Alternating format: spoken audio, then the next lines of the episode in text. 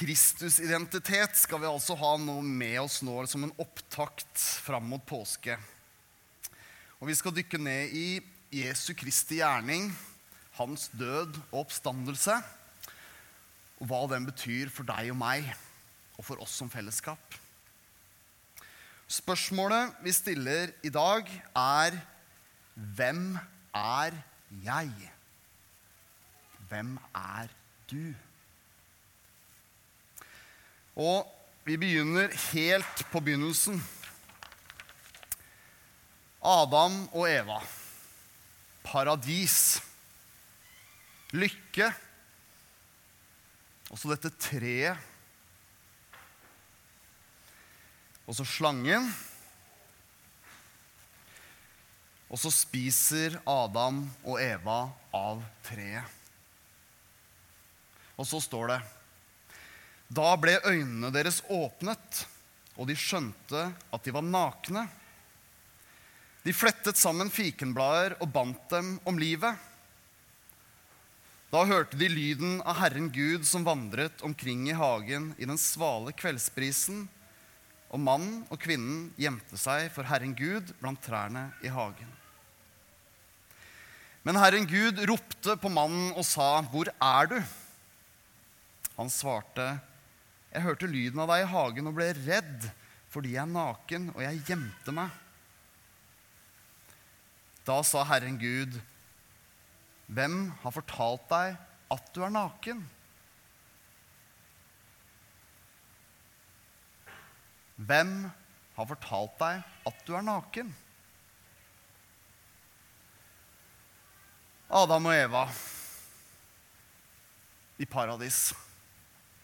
De har sin identitet hos Gud. De lar Gud definere hvem de er.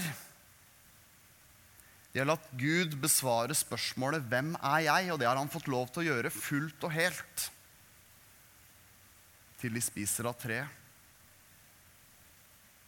Så plutselig orienterer de seg mot omverdenen. At de, de oppdager at de er nakne. De orienterer seg horisontalt rundt seg istedenfor vertikalt mot Gud. For første gang. Og resten av historien kjenner de fleste av oss. Så hvem er jeg? Hvem definerer meg? Hvor henter jeg min identitet? Hvor, av hva er det jeg lapper sammen min identitet? Jeg tror at mennesket har to grunnleggende behov. Ubetinga kjærlighet og betydningsfullhet. At man, man, har, at man er betydningsfull for noen. Og jeg tenker at vi ser det helt fra vi er små. Se på meg, pappa! Se på meg, mamma! Jeg får til dette! Der er barna de små barna. Og så har vi de større barna. Da er det kanskje ikke mamma og pappa, men da er det kanskje Se meg verden på YouTube eller på Instagram eller på Facebook. Det er kanskje ikke bare for de litt større barna, det er kanskje for flere av oss. Og så har vi de gamle barna. Eh, jeg har sittet i noen styrer i mitt liv, og da fikk jeg sagt det også. Ehm, og når styrene samles den første gangen, eller de første gangene, så er det noe som skjer. Svært oppegående, velutdanna og trygge mennesker får behov for å kanskje hevde seg litt, snakke litt mer avansert, vise sin kunnskap. Ta med noen 'se på meg, mamma'-kommentarer inn i samtalen. Og som den streberen jeg er, så tar jeg meg i at jeg gjør det sjøl òg.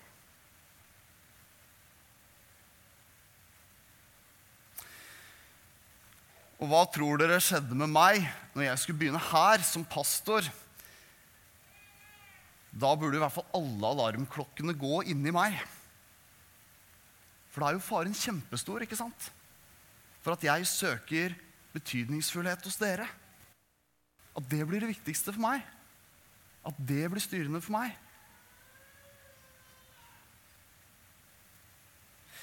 Det som skjer, er at vi forsøker å vise at vi er betydningsfulle, og derigjennom gjøre oss fortjente til ubetinga kjærlighet.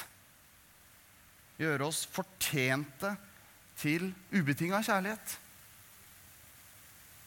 Det er jo ikke helt logisk, er det det? Der er det en logisk brist. Gjennom våre relasjoner til mennesker rundt oss og våre prestasjoner, gjennom det vi gjør og det andre sier om oss, så lapper vi kanskje sammen en identitet. Vi søker etter svaret på dagens spørsmål 'Hvem er jeg?' Hos mennesker rundt oss. Vi orienterer oss horisontalt ut mot verden. Hva er galt med det?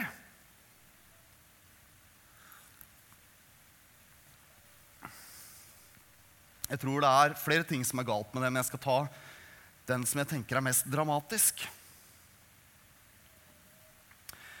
Vi har alle degraderende opplevelser. Noen av oss har mange av de, noen av oss har litt færre, men vi har alle opplevd degraderende opplevelser. Når noen er spydig mot oss, når vi kanskje taper ansikt, noen sier noe nedsettende foran flere andre. Kanskje det er noen som har avvist deg. Sett ned på det du har gjort når du har lagt sjela di i det. Kanskje det er at du har kommet inn i et rom, og ingen snur seg, ingen smiler. Eller kanskje har du følt deg dum ordentlig dum. Eller kanskje farligst når du eller jeg opplever at vi har gjort noe så forkastelig at vi ikke kan finne på å si det til noen. Eller så var det kanskje noen som så akkurat det. Og fordømmelsen fra oss sjøl, kanskje fra andre.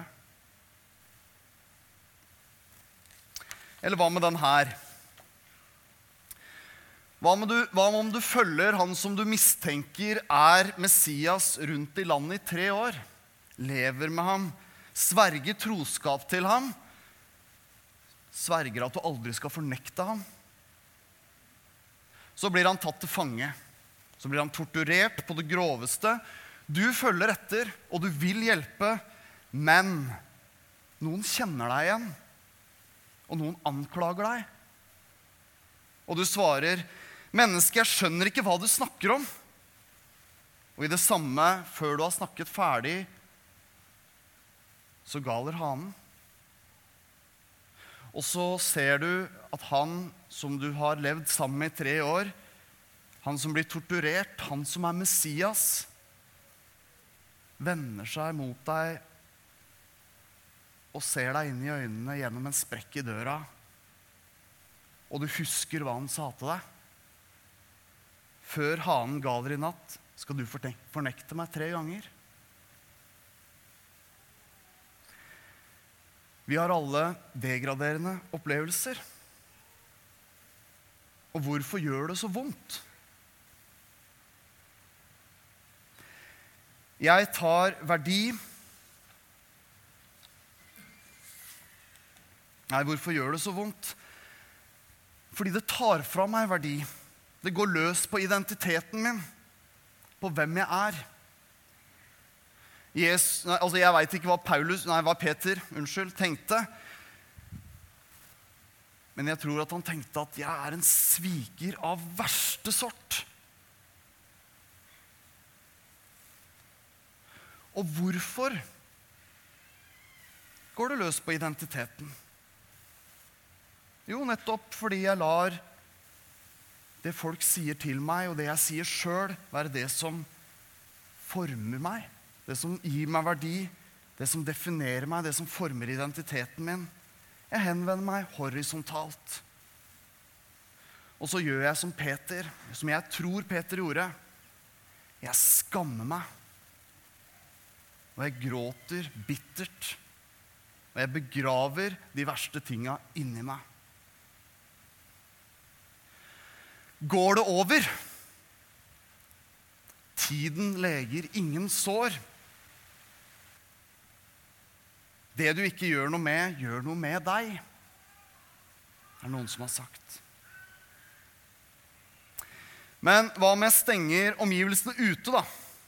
Om jeg hever meg over det alle andre sier, og heller søker innover i meg sjøl?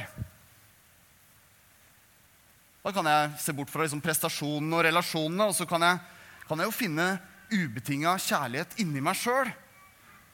Og så kanskje jeg, altså jeg er jo betydningsfull for meg sjøl, kanskje særlig eh, hvis jeg får realisert meg sjøl. Fins det en identitet der? Eh, jeg vet ikke hvordan det er med deg, men hos meg i hvert fall så er jeg redd for at det er mer fordømmelse enn nåde, mer hovmod en ydmykhet og mer grådighet enn raushet hvis jeg vender meg innover.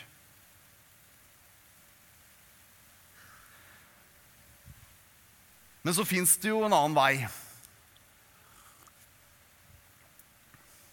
Istedenfor å orientere oss horisontalt, så kan vi orientere oss vertikalt. I søken på å finne ut hvem vi er, for å finne identitet. Hva befinner seg vertikalt? Vi leste fra Jakobs brev La dere ikke føre vill, mine søsken. All god gave og all fullkommen gave kommer ovenfra, fra Ham som er himmellysenes far. Hos ham er det ingen forandring eller skiftende skygger. La oss ikke gå vill i søken etter hvem vi er. Fullkommen gave kommer ovenfra. Og der er det ikke forandring. Det er konstant. Ikke skiftende skygger. Hvilken identitet snakker vi om? Vi leste fra romerbrevet, og jeg gjentar noen av versene. De som er markert ut her, hvis dere ser noen forskjell på den teksten. Paulus skriver Vet dere ikke at alle vi som ble døpt til Kristus Jesus, ble døpt til hans død? Vi ble begravet med ham. Og som Kristus ble reist opp fra de døde ved sin fars herlighet, skal også vi vandre i et nytt liv. Vi vet jo at når Kristus er reist opp fra de døde, så dør han ikke mer. Døden har ikke lenger makt over ham. For døden han døde, den døde han for synden en gang for alle. Men livet han lever, det lever han for Gud. På samme måte skal dere regne dere som døde for synden, men som levende for Gud Jesus, i Kristus Jesus. Dåpen gjør at vi får en ny identitet. Vi er sammenvokst med ham gjennom død, begravelse, oppstandelse til et nytt liv.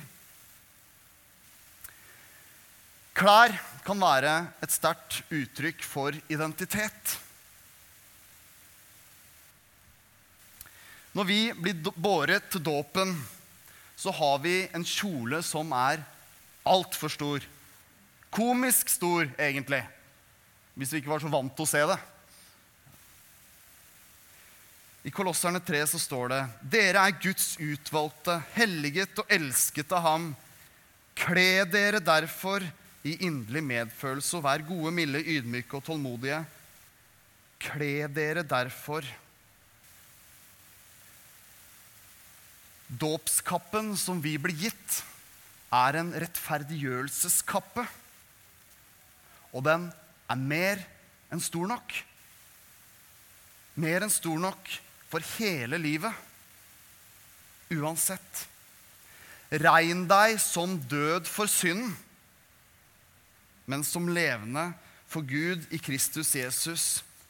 Bygg livet ditt på, bygg hele din identitet på at du er død for synden, og at alt det du omgir deg med, det horisontale, som forsøker å si noe om hvem du er, uansett om det er utenfra eller innenfra, det kan ikke nå deg lenger. Men du er levende for Gud i Kristus Jesus. Levende i de vertikale. Ikle deg dåpskappen, rettferdiggjørelseskappen, og la den definere hvem du er. Gi deg identitet.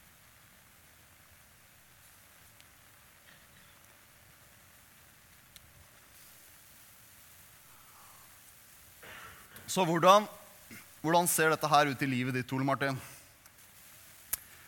Svever du rundt på en rosa sky og synder aldri? Sånn funker det ikke i livet mitt, dessverre. Men så får jeg komme til korset, og jeg får omvende meg. Og jeg får gjøre det på nytt og på nytt og på nytt og på nytt og på nytt. Og litt etter litt så håper jeg at det gjør noe med meg, og jeg tror at det gjør noe med meg. Og jeg tror at det ikke blir en bortskjemt, gammel gubbe som tar seg friheter på nådens bekostning. Og igjen tilbake til et vers i Kolosserne 3. Det blir som en bønn, nesten. Er dere da reist opp med Kristus, så søk det som er oppe hvor Kristus sitter ved Guds høyre hånd. La sinnet være vendt mot det som er der oppe, og ikke mot det som er på jorden. Det blir min bønn, mitt håp, min bruksanvisning. Og så er det jo sånn at selv om Jesus aldri synda, så har vi vår identitet i en Jesus som har kjent på dyp fortvilelse, redsel og kanskje til og med maktesløshet. I Getsemanehagen så ba Jesus flere ganger Min far, er det mulig, så la dette begeret gå meg forbi. Men ikke som jeg vil, bare som du vil.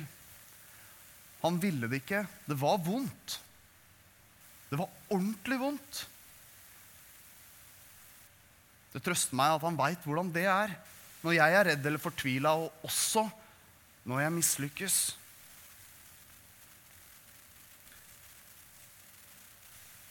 Så hvordan oppleves det å ha en Kristus-identitet? Det er vanskelig. Og her tror jeg vi er forskjellige på samme måte som at disiplene var veldig forskjellige. Men jeg skal dele et lite vitnesbyrd med dere om hvordan jeg opplever det. Og så er det viktig for meg at det ikke blir, at det blir til og inspirasjon, at det ikke blir noen mal på hvordan det burde være. Du veit, den følelsen av å ha noen i ryggen, noen som tror på deg ikke bare tror på det du gjør, men som tror på den du er. Og når den tror på den du er, så har den også ryggen din hele tiden, ikke bare deler av tiden. Og da er det ikke om du gjør alle tingene rett eller riktig, som gjør at du, om du har noen i ryggen, men den er også der når du gjør det galt, og når du feiler, når det kladder seg.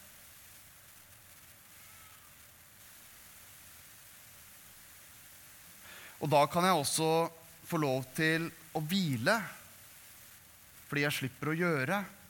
Og jeg kan lytte istedenfor å mase. For meg er det sånn at jeg kjenner aller sterkest på følelsen av å ha noen i ryggen når jeg ber. Og da er det ikke bare sånn at jeg har noen i ryggen, men at det omslutter meg. Jeg kan folde hendene og kjenne den fjærlette tyngden av Guds nærvær. Han som sier, 'Jeg har løst deg ut. Jeg har kalt deg ved navn. Du er min. Du er dyrebar i mine øyne, høyt aktet, og jeg elsker deg.'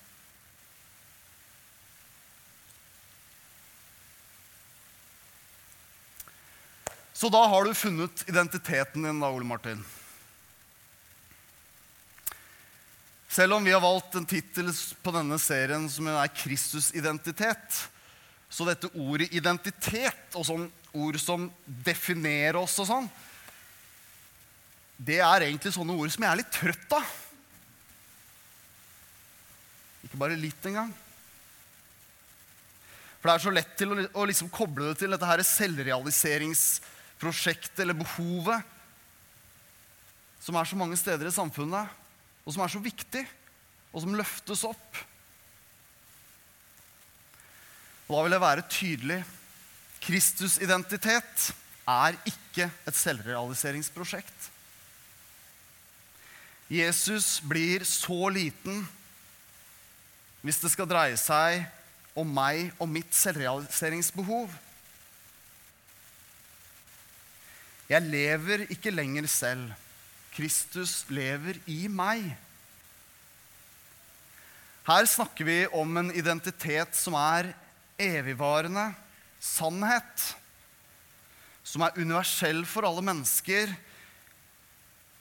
Som ikke er unikt for akkurat deg. Og som du ikke trenger å jakte eller fikse på egen hånd.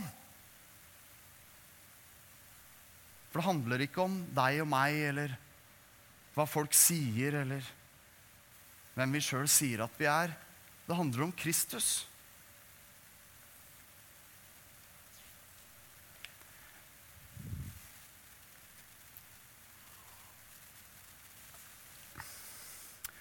Så hva er mitt budskap til deg i dag, du som sliter med din identitet? Om du er en som ser deg i speilet og ser ned på deg sjøl og opplever at andre gjør det samme. Og så kommer du til kirka, til misjonssalen. Og så opplever du at sånne som meg, prester, pastorer, sier at i tillegg til det, så er du en synder. Du som da bare lengter etter å rope, ja, men når skal jeg føle meg bedre da? Når skal jeg oppleve at jeg har en verdi, at jeg, har ha en identitet som jeg liker, og som jeg lever godt med? Når jeg føler meg dritt, og så kommer jeg til kirka, og så blir jeg fortalt igjen og igjen at på toppen av det hele er jeg en synder. Når skal jeg få føle meg bedre? Den hellige og allmektige Gud ble menneske. Utsatt for fristelser, fornedret. Han ble sviktet, han ble torturert, hengt på et kors, drept. Sto opp for at du skal kunne ikle deg en helt ny identitet. Der, der har du din verdi. Der har du noe å bygge identitet på. Fri fra relasjoner, prestasjoner, hva du har gjort, hva andre har gjort mot deg. Fri fra merkelapper som du setter på deg sjøl. Jeg vet ikke om jeg har lagt merke til det, men det har dere sikkert. Men flere ganger i Bibelen så gir Gud mennesker nye navn. Jesus gir et nytt navn til fiskeren Simon.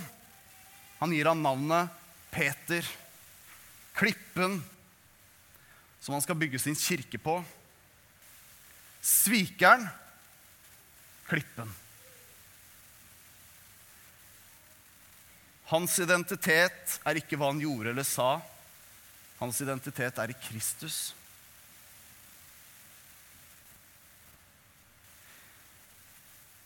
Hvordan tror du blikket var? Blikket fra Jesus på Peter når hanen gal. Jeg tror det var nåde. Fullkommen, overstrømmende nåde i det blikket. Jeg vil utfordre deg til å ikle deg rettferdiggjørelsens kappe. Ha din identitet i Kristus. Guds makt er større enn din fortid, din nåtid og din framtid. Jesus' sannhet er større enn våre meninger. Din verdi og din identitet handler ikke om hva du gjør, tenker eller oppnår. Den er gitt deg i Kristus Jesus. Han vet alt om deg. Han vet alt om deg, men han snur seg ikke vekk. Han møter blikket ditt med nåde. La oss be.